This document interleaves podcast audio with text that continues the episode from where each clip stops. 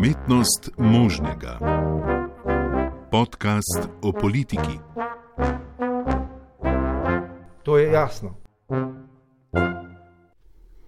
Lepo zdrav, pozdravljena Leši in pozdravljeni vsi, ki naj poslušate.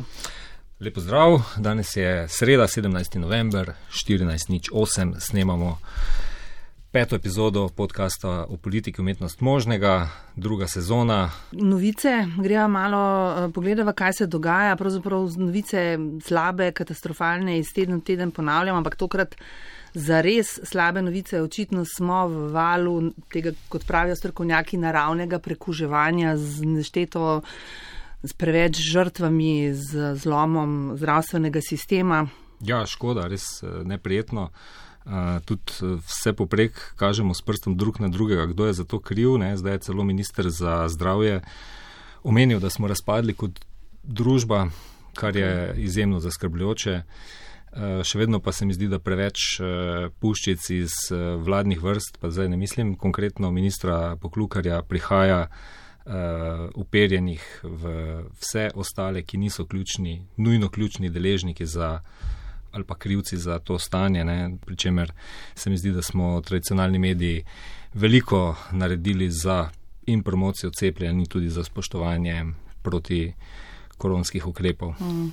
Posebna tema ja, komunikacija odgovornih, posebna tema, kaj se dogaja med nami, posebna tema, zakaj nekateri ukrepi druge delujejo, pri nas ne delujejo, posebna tema, zakaj smo tako sovražni drug do drugega, ampak ne bova danes o tem, samo mimo grede, ja, si hotel reči. Se pa zdi, da se spet malce, malce prebuja tudi nek občutek za solidarnost. Ne. Vidim, da je predvsej ljudi se tudi odzvalo pozivom uh, ministra, so stopili um, na pomoč uh, zdravstvenemu sistemu. Uh -huh. uh, tudi ljudje, ki so doživeli to žalostno usodo in uh, zboleli, pa so zdaj v bolnišnicah, pozivajo druge naj se in držijo ukrepov in k cepljenju. Da, ja, zanimivo, danes je začelo premiki. testiranje otrok v šolah, ne samo testiranje in v bistvu so bili protesti, ampak.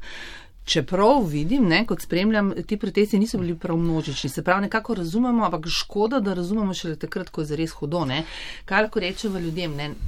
Poskusite ne zboleti tudi z drugimi boleznimi to jesen, ne? zato ker ja. zdravstvo je na kolenih. Spodbudno je tudi to, da prihajajo iz šol že uh, sporočila ravnateljev in ravnateljic, da uh, so ta prvi dan testiran več ali manj uspešno zaključili uh, in da ni bilo ja. nekih posebnih ja. zapletov, da so tudi otroci pri tem, oziroma učenci, dijaki, študentje, seveda imamo vedno pred očmi najmlajše, ne, eh, recimo prvo triado, da so tudi ti pri tem uh, konstruktivno sodelovali, da so starši tudi upravili svojo vlogo, seveda pa nekaj. Um, Revolta v družbi pa seveda tudi obstaja.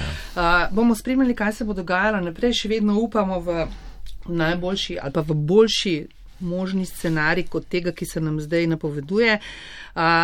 Sporedno ne, potekajo procesi, ki so sicer značilni za obdobje pred volitvami. Ne. Prihodnje leto se prihaja supervolivno leto, državno-zborske volitve, pravi predsednik države bodo 24. Ne, aprila. No, ampak v spredju je, prejšnji teden se je začelo menjava energetiki, imamo zadnjo novico ob tej uri, ne, ko mi snemamo, sodišče bo odločalo o tem, kdo bo vodil gen I.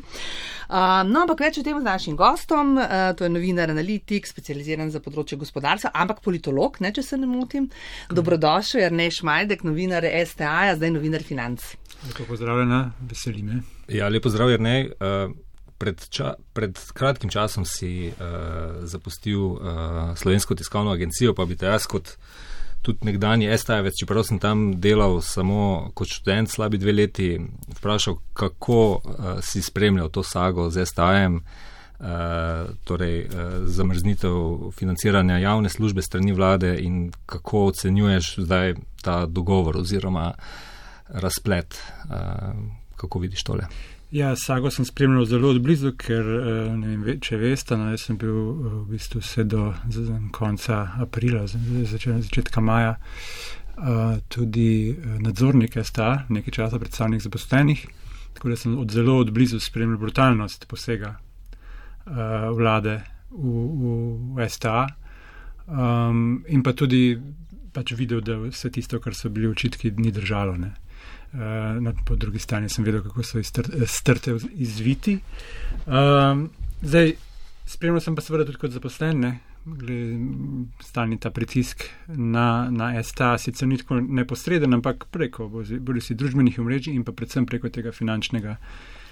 Izčrpanje ne? te negotovosti, to, v bistvu to je najbolj ja. Eh, frustriralo ljudi in spravljalo ljudi tudi v, v nekatere prav obupno oziroma zelo, so pristali v zelo slabi koži. Um, tudi po odhodu vse staja sem še vedno uh, poskušam, kolikor se le da, pač gledati, da nisem več v hiši, od blizu to zadevo spremljati. Veseli me, da je zdaj prišla, prišel ta nek, neke vrste, no, uh, neke vrste kratko, kratkoročna začasna rešitev, da si lahko ljudje malo oddahnejo. Ne. Očitno bo, bodo sredstva zdaj vendarle nakazana, vsa ta sredstva, ki še manjkajo, Eh, za letos, ki jih STA bodi si ni uh, pač prodala v obliki prodaje terjatov uh, ali pa uh, si pomagala seveda tudi s to donacijo. No, vse tisto ostalo, kar je še ostalo uh, terjeno od države, bo zdaj uh, nakazano, kar STA-ju verjetno daje, ne znam ocen, ampak po mojem vse nek pol leta nekje. Mm, nek time-out, nek, time nek predah, ja, minuto odmora, kot bi lahko rekli. Ne. Uh, se... Ta pogodba, ki je sedaj bila sklenjena, še vedno ni takšna, kot bi uh, vsaj uh, stališča uh, agencije ne, bila ne, ustrezna. Ne, sej, kol, kolikor res razumemo, v bistvu je STA, kljub temu, da je potem prišlo do zunesodnega dogovora glede, teh, glede izvržbene, pa ustraja pri sodni presoji same uredbe v STA, ki je podlaga za, za to pogodbo.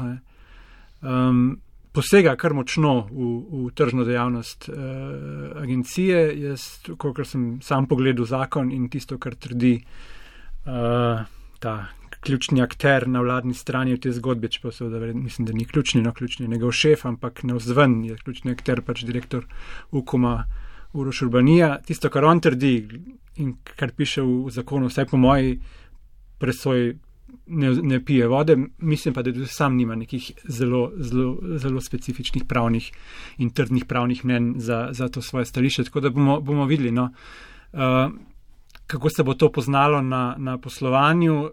Kot pravim, za nekaj mesecev uh, je, je to, po moje, uh, res, neka rešilna bilka. Uh, ampak sta v bistvu že vse od uh, jeseni 2020, ne, uh, v bistvu v tem krču, ki ne omogoča razvoja, ne, ki ga je pred desetletji imela. In to je, to je najslabše. V bistvu ja. je to zdaj leto brez pravega razvoja. Leto brez pravega leto, razvoja. Leto to bo imelo posledice, ne glede na to, kako se bo, ne, tudi če bo na koncu. In pa to moram povedati, ne, ne vem, novinarjev je zdaj še z dodatnimi odhodi, mislim, da že smo, se približujemo številki deset novinarjev. Eh, poleg tega pa še nekaj pod, uh, osebja iz upravnega dela.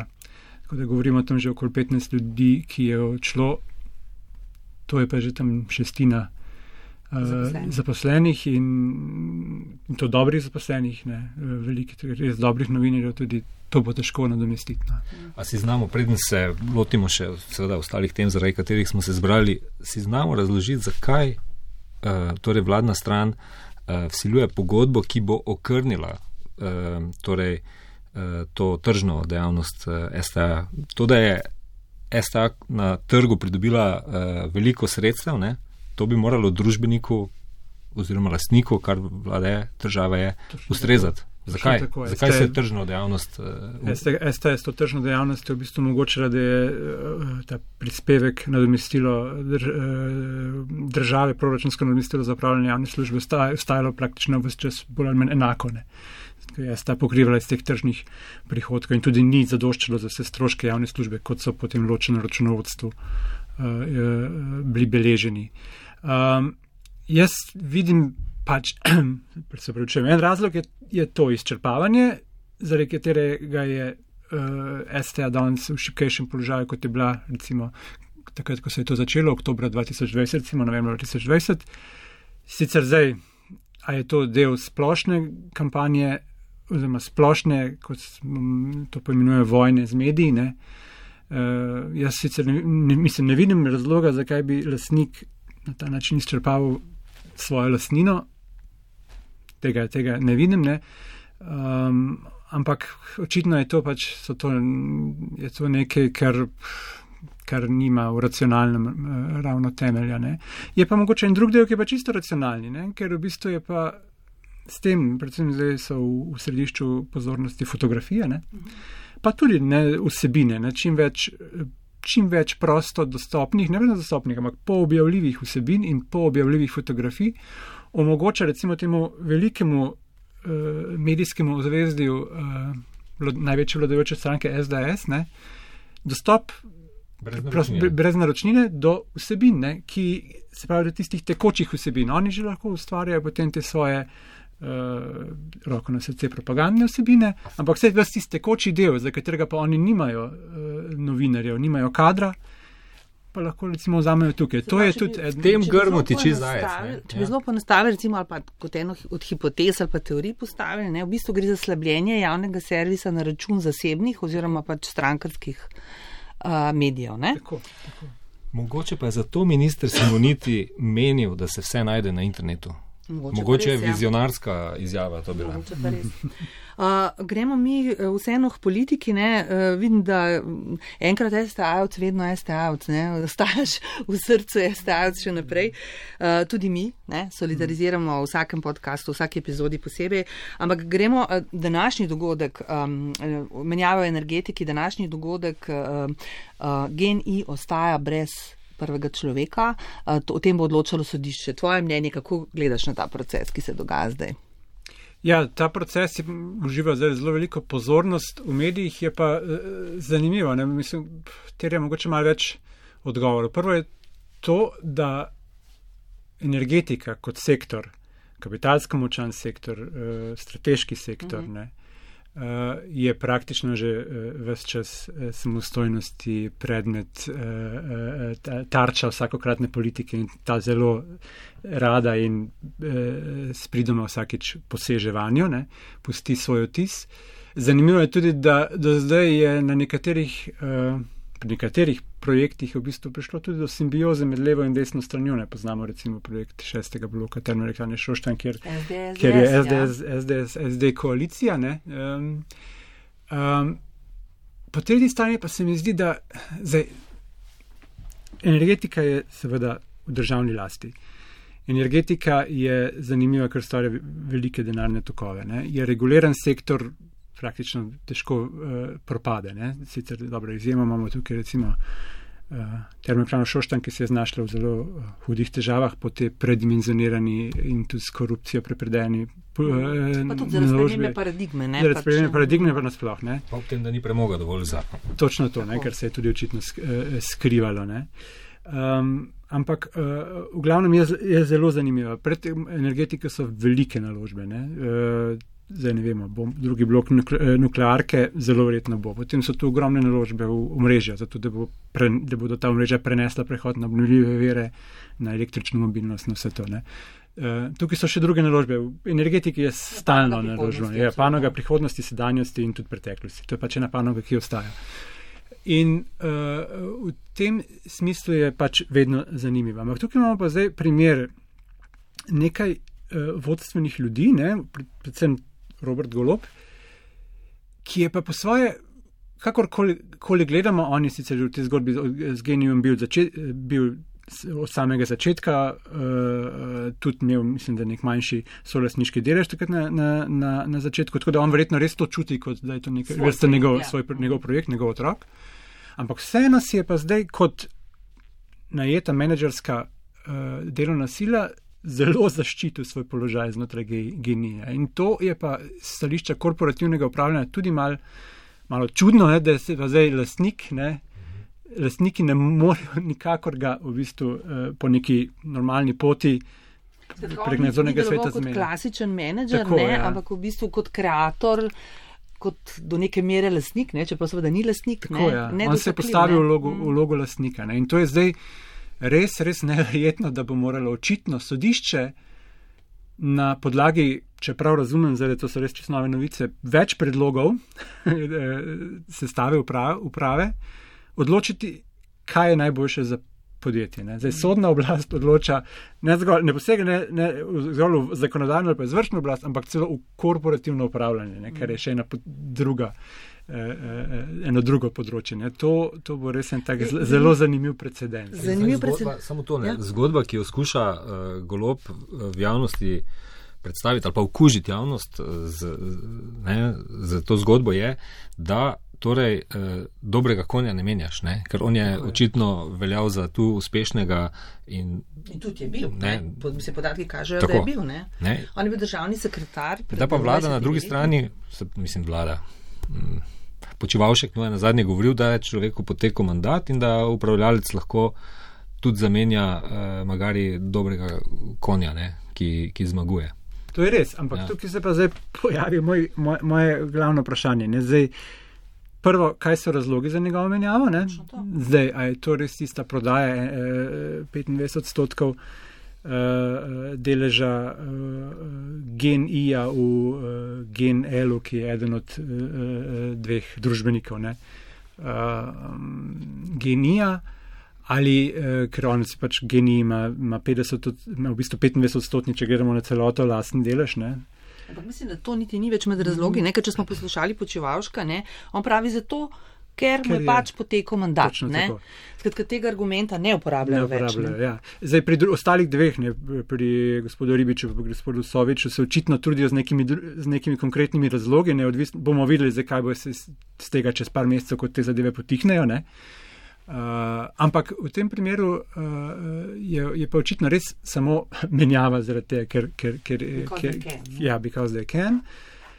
V Tem, eh, zdaj se pa postavlja vprašanje, koga ne, na to mesto. In zdaj tukaj, se, tukaj je pa dejansko očitno težava. Če vidimo imena, ki, ki krožijo, je tukaj gospod uh, Nošak, ki je že tak prvi mož gen energije, ne, kar pomeni, da dobro, bi prevzel še geni, če, če, če gre tako razumeti. Potem je tukaj nekdo, ki se ukvarja bolj z eh, kriptovalutami, če razumemo. Zdaj, Mislim, a je zdaj on pravi za, tak, za, tak, eh, za tako eh, podjetje. ne, Um, a, a, a ima ta trenutna koalicija ustrezne, ustrezna kadr, ustrezen kadrovski bazen, da, to menjavo opravi? Ne? Ker drugače samo po sebi, ok, naj ga zamenjajo, ampak naj bo nekdo res dober. Ne? Ker genij je pomemben na trgu uh, uh, trgovanja z elektriko.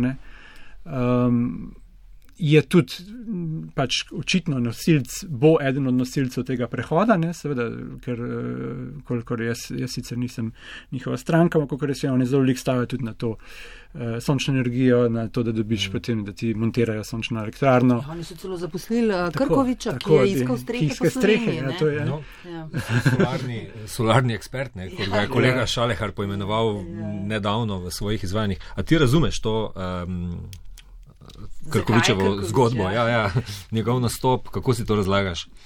Um, se, njegov, njegov ta obrat ali sam, samo to dejstvo, da on išče strehe za genij? Ja. Najprej, ja, mogoče začnemo s strehami. dajmo, da- Ja, mislim, tudi da išče strehe je očitno pač eh, eh, en do, eh, prikaz tega, ne, kako ta energetska podjetja v bistvu naklonjenost politike iščejo tudi prek na ta način, da zaposlijo Aha. ne samo energetska, zaposlijo nekdanje pomembne strankarske ali pa druge eh, eh, osebe. Ne, to je recimo zelo znano tudi delata slovenske železnice in pošta Slovenije, ki veljate recimo za neke vrste eh, odlagališče ja, eh, kadrov SDS, kamor se jih potem da po, eh, in da obstanejo tudi po koncu mandata. Recimo, Imajo službo in plačo, Imajo službo in Ampak plačo. vprašanje, ali je golob poiskal Krkoviča ali je politika poiskala mesto za Krkoviča v geniju?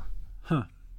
To je pa zanimivo. To je pa čisto iskreno povedano, ne vem. Tudi če je politika uh, ga poiskala, je pač on na to pristal. Ne. Drug na tak mehanizem, s katerim si kupujejo naklonjenost politike, so te razne oglaševalske pogodbe, pa svetovalne pogodbe in vse take stvari. No, v glavnem, tega, je, tega je zelo veliko in očitno je tukaj do zdaj bila neka simbioza, ki pa je zdaj. Predvsej tako. Iz izjav eh, Roberta Goloba, tako, ja. Iz izjav uh, Roberta Goloba lahko sklepamo, da je bil prav on ta, ki je poiskal uh, uh, zaslombo. Ne? Prej sem rekla, ne, pred 20 leti je on bil državni sekretar, se pravi politiko pozna od blizu. Ne? Če pustimo to, da je sodeloval v stranki SAP in pozitivna Slovenija, ker tam vendarle mm. je bil uh, na čelu programske, ne? programske, eh, pač programske skupine, ni pa imel neke izvršne politične funkcije, ne? on je v energetiki že celo svoje življenje, ne? to je dejstvo. Ne? In očitno je v državnih podjetjih tako, da spretni menedžeri ne, poiščejo nekoga za slombo z leve in za slombo z desne. Mm. Tako si lahko razlagamo, ne, ta Krkovičev. Obe, uh, obe, obe strani si pokrijejo. Je nekaj šlo narobe, ja. mogoče kdo rabi službo ali. Pomeni, da je golob. Uh, stavil na pravega konja, ni tako, da je politika stavila na napačnega. Ja, iz njegovih izjav ja. lahko tako sklepamo. Ne? On pravi, da je bil Krkovič izvrsten v iskanju streh, ne? da nobena streha pred njim ni bila varna. Ja. To je rekel ne? v zadnjem pogovoru v odmevih. Iz tega lahko sklepamo, da je on bil tak, ki je zaposlil Krkoviča, ampak očitno ta joker ni, ni odigral svoje vloge. Ne? Oziroma je prišel trenutek, ko so te menjave precej segle tako globoko, da celo večni a, a, predsednik uprave genija ne bo več ostal na tem mestu. Ja, igra pa še zdaj za njega. Ne? S, s tem nastopom na tisti spektakularni novinarski konferenci je v bistvu, uh -huh. no, zdaj pa gremo lahko k temu delu, ne? kako si torej ta nastop razlagamo. Ja, zdaj, če mogoče sem za trenutek še nazaj. Zdaj, očitno je pač. Uh, ker eh, glede na to, da je on že od 2006 v, v načelu genija, eh, vmes se je kar nekaj vlad zamenjalo, ne, to je bilo v bistvu v času Janše vlade, ko je prišel v času Janše vlade, tudi genij si vzpostavil ta, to, oziroma si eh, oblikoval svoj, ta svoj položaj tržni, ne, s tem, ko je dobil dostop do, do energije iz krške nuklearke. Ne. Ampak očitno je zdaj ta čas mimo. Jaz si osebno lahko raz, razlagam to z dejstvom, da kot sem povedal na začetku, da je pred energetiko so tako velike naložbe, ne? med drugim tudi zelo verjetno v drugi blok krške nuklearke, to je enormen projekt, ne? da, da pa očitno zdaj, da, da ne deluje več ta, eh, ta vzajemna. Uh -huh. to, ni več časa za kompromise. Ni več časa za kompromise, uh -huh. ja. Zdaj to, ali je pa on resnično stopil v politiko kot ta novi obraz, ne? teh smo imeli zdaj že zelo veliko, ne? ali je Robert Golob je nedvomno dober komunikator. Ne? Uh, nedvomno je tudi odličen strokovnjak za energetiko, se to, to ni, ni, ni dvoma. Um, očitno tudi neki vizionar, vizionarja je v njem, ampak ali je on ta prepoznal, ali si to res želi, na to čist pravega odgovora trenutno nimam, pa bi pa si vse en, ko, ko govorimo o teh novih obrazih, omenja se razni, bi si pa vse en bi stavil več na to, da pač bomo do naslednjih volitev ostali s tem, kar imamo mm. trenutno. Da težko verjamem, da bi zdaj v tem času nekaj zelo, zelo novega. Lahko se bo oblikovala neka nova struktura, ampak iz ljudi, ki jih že poznamo. Uh -huh. Zdaj vidimo, da se oblikujejo na strani ne vem, teh županov, pa je uh -huh. spovezave z Igorjem Zorčičem in to uspešni župani. To, to so vse ljudje, ki pač. No, za nas, ki dolgo spremljamo politiko, ne, je um, ta zgodba z Robertom Golobom zelo, zelo spominjala na zgodbo z Jankovičem, ne, kjer so akteri mm. zelo podobni. Ne, to je bila prva Janševa vlada. Jankovič ni želel takrat v politiko, on je želel olesniniti Merkator, ne, vsi se spomnimo tega. Ne. Šel je z veliko muko, no, ampak kaj se je zgodilo? Ne, Janez Janša je na ta način la, la, najhujšega lastnega nasprotnika si ustvaril. Ne? In seveda ta paralela se je tukaj se pokazala, da od to tudi toliko. Tudi zaradi te podpore tako, zaposlenih, zaposlenih ne, ki je bila zelo jasna. Kar se tiče pa. Um, Teh menjav, pa vloge Krkoviča, ne, pa tudi opozarjajo, ne, po mojem, ne brez razloga, da očitno prihaja do, kadrovskih, uh, uh, do kadrovske prenove SDS-a, prihajajo neki novi ljudje. Ne? Rajski dečki in podobno. Tako, tako. Ja, ja, tudi tam to je bilo že opaziti večkrat v zadnjih mesecih, ne, da prihaja do nekih, uh, vsaj koliko smo lahko prebrali, uh, do določenih trenj med temi mlajšimi in starejšimi v SDS-u. Nekaj ljudi je bolj umaknjenih na, na, na stran v zadje. Um, zelo bo, zelo bo zanimivo. No? Zelo, zelo zanimivo bo predvsem, tudi kakšen je ta, eh, kakšna je ta mlada garda SDS. Mm. Ker zdaj, skeno povedano, roko na srce, ena težava te države je, da se že dejansko 30 let ukvarjamo z bolj ali manj z enim človekom, ne? ki ustraja v politiki od takrat na čelu te stranke SDS. In ena njegovih značilnosti je, da vse tako jaz, ko, ko, ko gledam in ko berem o njem, da ne trpi ravno ljudi, ki bi več vedeli od njega, oziroma ki bi si to upali pokazati. Ne. Tako da zdaj, ali je kakšen podmlade, kakšne naslednike si je on, ki pa vse enega leta dohitevajo, tako kot vse od nas, ustvaril, to bo zelo, zelo pomembno uh, vprašanje na, na slovenski desnici. Uh, tudi samo za, tudi za nadaljni obstoj SDS, ampak tudi za nadaljni. Za nadaljni obstoj slovenske desnice, ki jo v bistvu mi pač pa lo- logično kot normalna demokracija potrebujemo močno desnico, močno levico, ki se menjavate na oblasti, ki imate oba dva dobre uh, kadre, dobre ideje in potem je pa stvar izbire voljivcev, kaj v določenem trenutku, glede na izkušnje, glede na dosežke, glede na uh, morebitne napake, izberejo. Ne. In To, to, kar si rekel, ne. ni eh, težava v tem, da nek dolgoletni predsednik uprave mora pač oditi, ne, če ni lastnik, pač odločajo nadzorni sveti skupščine. Mm. Problem je, kdo pride za Kdo njim. pride ne. za njim, ja. In to je vprašanje, ne, kdo so ti novi fantje, ne, ki so prišli skozi v ozadju, nihče ni bil pozoren, ne, tudi SDS ni stranka, kjer bi stvari potekale zelo na očeh javnosti. ja. Ne. Kdo bodo ti ljudje in kaj to pomeni konc koncev za slovensko energetiko? Ne. Mm. Dejstvo pa je, da imamo prvič občutek, da poteka tudi znotraj SDS-a neki uh, frakcijski boji, ne? da se neke struje pojavljajo. Sicer imamo zelo malo informacij. prvič, ne, Mogo- oziroma ne prvič imamo prvič. občutek, da se to dogaja. Ne? In če bi uh, na drugi strani ne, eh, obstajala, um, to smo več, večkrat ugotavljali, da tej uh, trenutni opoziciji nekaj podpora na vkljub vsem težavam, ki spremljajo to aktualno oblast, ne raste podpora. Če bi tam obstajala neka uh, alternativa, ki bi jo tudi ljudje prepoznavali kot močno alternativo, tako kot, je, tako kot so ljudje leta 2004 prepoznali v SDS-u uh, to uh, alternativo takratni LDS. LDS, ki se je dogajalo točno to, ne? frakcijski boj in na koncu razpad stranke po od, odhodu Janeza Drnovška v, pač na drugo funkcijo. Potem bi mogoče eh, to lahko pomenilo tudi, da bom rekel, začetek konca, ampak neke prestrukturiranje te največje politične stranke, ki jo trenutno imamo Ja, na slovenskem. temeljiš na predpostavki, ne takrat Janez Danošek odšel, ne Janez Janša pa ne odhaja nikamor. Je, Ne. drži, ja, drži, ampak podobnost je v tem, da se začenjajo znotraj mm. stranke neka prestrukturiranja, Ja, ampak na drugi menjave. strani ni uh, na vidiku teh. Če bi bila jasna alternativa, bi se javno mnenje drugače obnašalo. Ne? Zdaj pa se špekulira o nastanku nove stranke pod okriljem Igorja Zorčiča, pa župani, ta zgodba menda več ni uh, tesno povezana in tako naprej. Ne? Ja, tukaj seveda morda sem še to, no, treba tudi še položaj eh, in pa vlogo Nove Slovenije, ne, ki si pa očitno tudi želi na desnici izboriti nekoliko močnejši uh, položaj. Ne. Um, zdaj, koliko ji bo to uh, predsednik SDS, SDS in pa njen predsednik dovolila, bomo, bomo videli. Ne. Pač poskušajo prek volitev zaenkrat ni šlo. Eh, Ta prenova obraza, mladi obrazi, štirje Štiri fante z belimi ja. strajcami, ne, eh, ki delajo in gradijo. No, ja. ja, tako je in se Štirje smejijo in so izjemno spretni v komunikaciji, tudi eh, po mojem mnenju preveč naučeni v tej svoji ko- komunikaciji, ampak vendarle za zdaj na volitvah jim ni šlo, tudi, eh, tudi zadnje ankete ne kažejo ravno nek strašen preboj. Ne.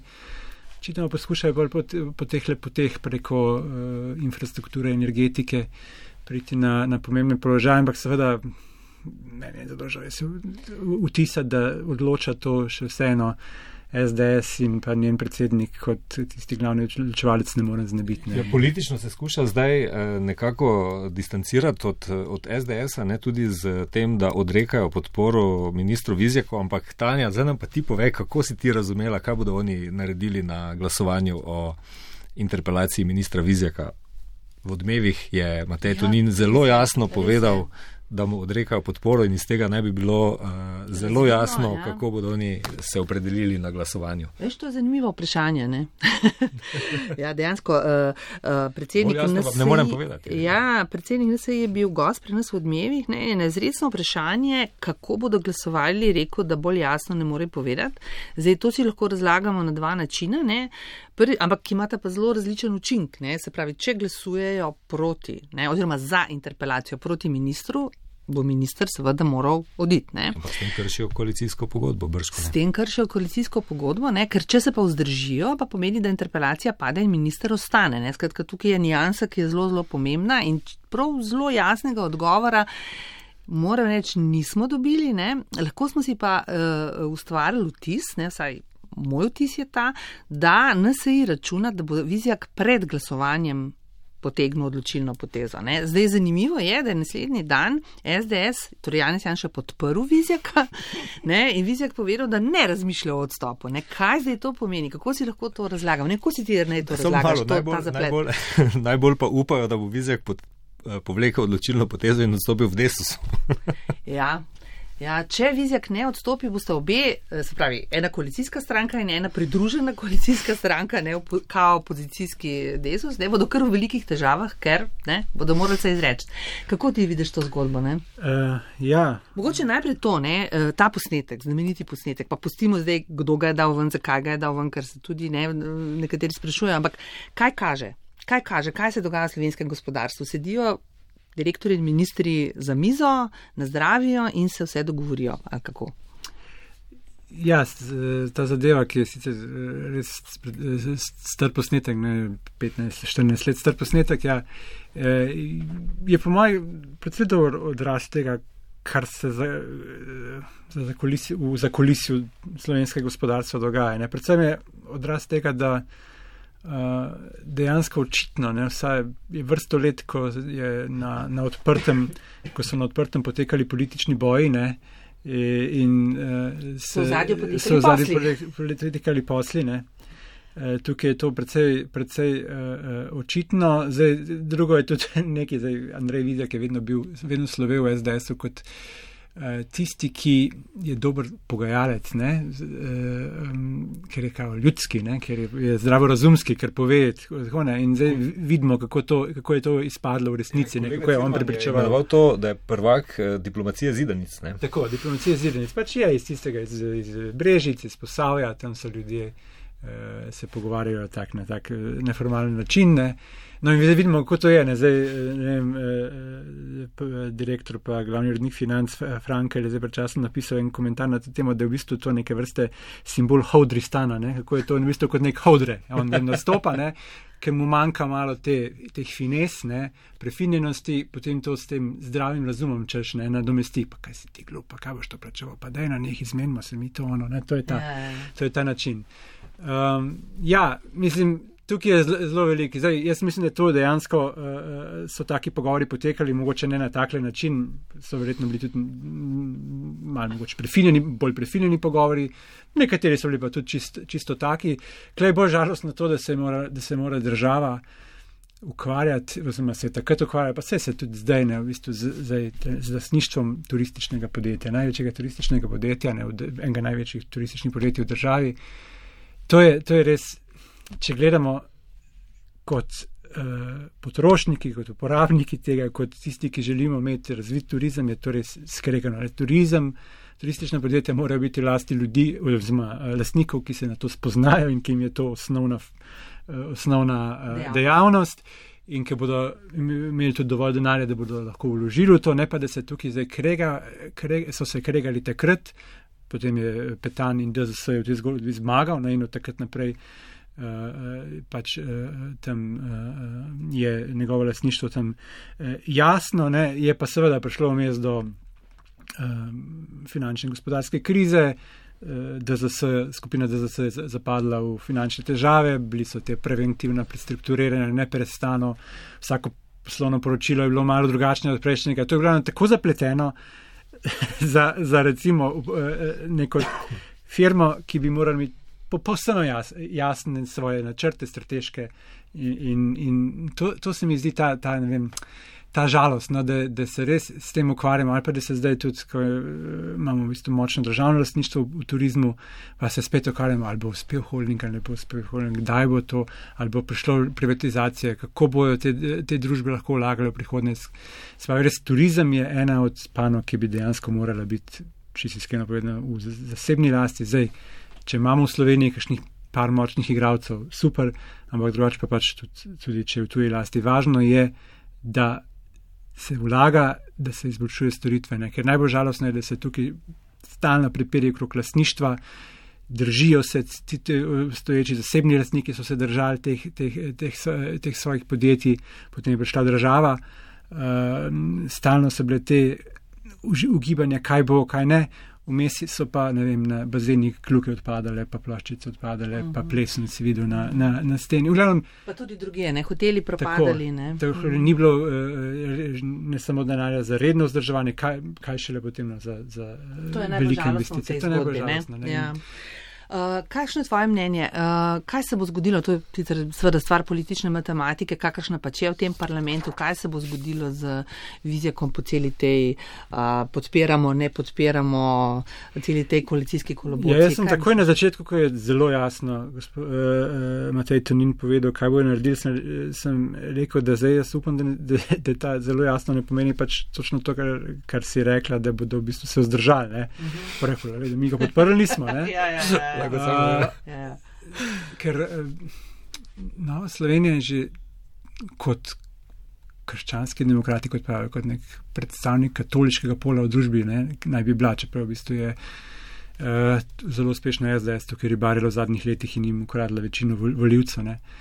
Se zelo, podporo cerkve. Tako, ja, se zelo postavlja na te vrednotne po- pozicije, ne, ki jih pa potem redno krši, ne, oziroma redno ne spo- spoštuje. In zdaj še en tak udarc, ki je veliko dobrega stranke ne more, pri, ne more prinesti. Ne vem pa, kako, kako se bo na desnici, ker je tako moč, močan en lider in tudi v tej vladi, kako se bo to izteklo, ali bodo šli proti njemu, ali ne bodo šli, ali pa, pa v bistvu rešitev to, da se bo itak, koliko res razumem, bo ta seja, če bo šele konec januarja, Januarja, ja. januarja enkrat januarja, poskušali bodo čim bolj na koncu januarja in potem tudi, če bo recimo Nadomestni. ali Vizjak sam odstopil ali karkoli, bo, eden od ministrov. bo šlo v bistvu za eden od ministrov, ker če, če si iskreno povedano, vlada bo tekoče posle začela upravljati verjetno tam ne enkrat marca ne. Uh, in to je zelo malo časa, ne, v bistvu. Ne. Tako da, Ker si omenil, Se pravi, da po da, naravni poti, da ne bi prišlo do konflikta v koaliciji. Tako, ne? ja. Ja, to, kar ker si omenil, da se po- pogosto skregajo s svojimi načeli ali pa ravnajo drugače. Ne,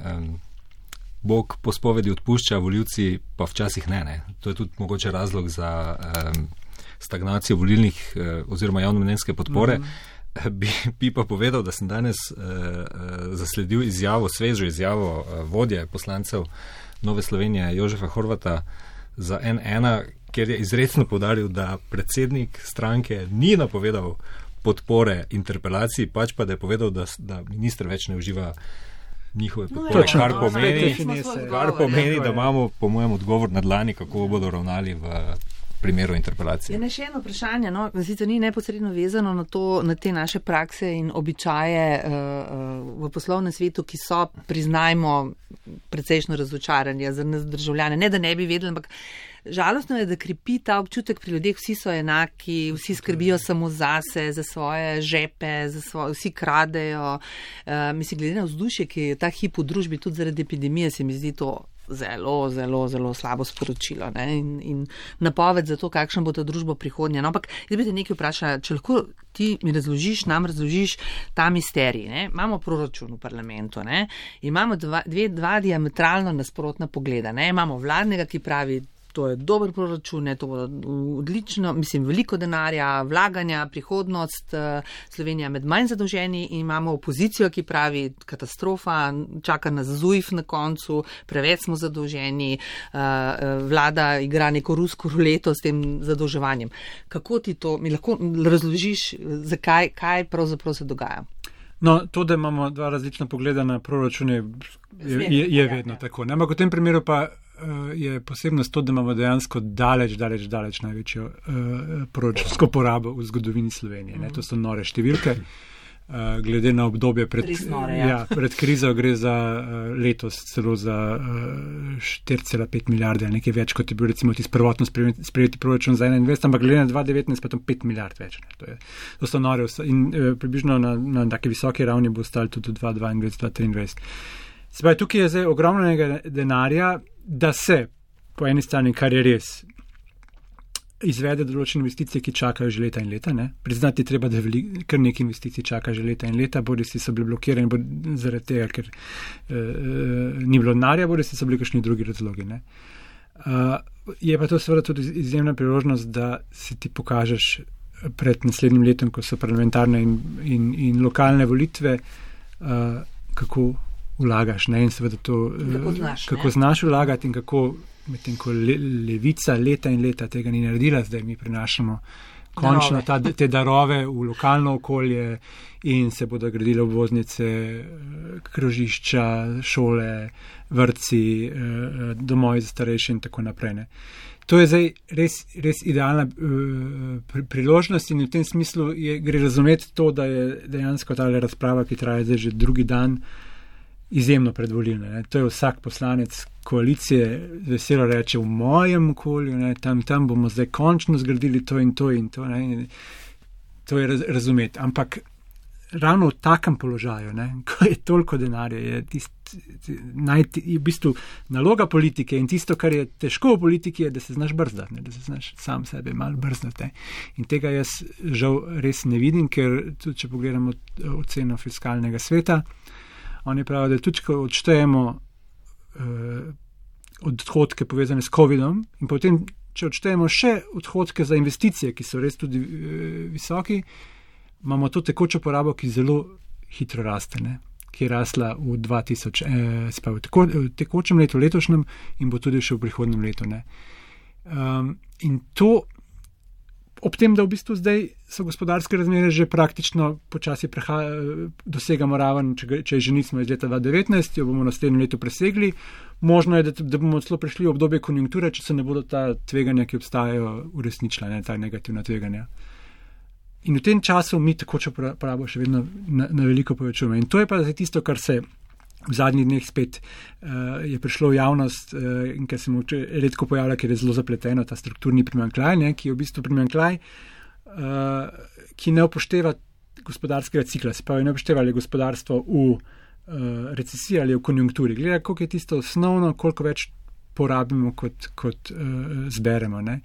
In tukaj so te uh, številke, uh, zdaj Evropska komisija je že vse čas zelo, oziroma na ravni Evropske unije so že vse čas glede tega bolj negativni kot sami tukaj v Sloveniji, ampak vsem ta primankljaj, in to priznava tudi minister, ne, je visok. Ne?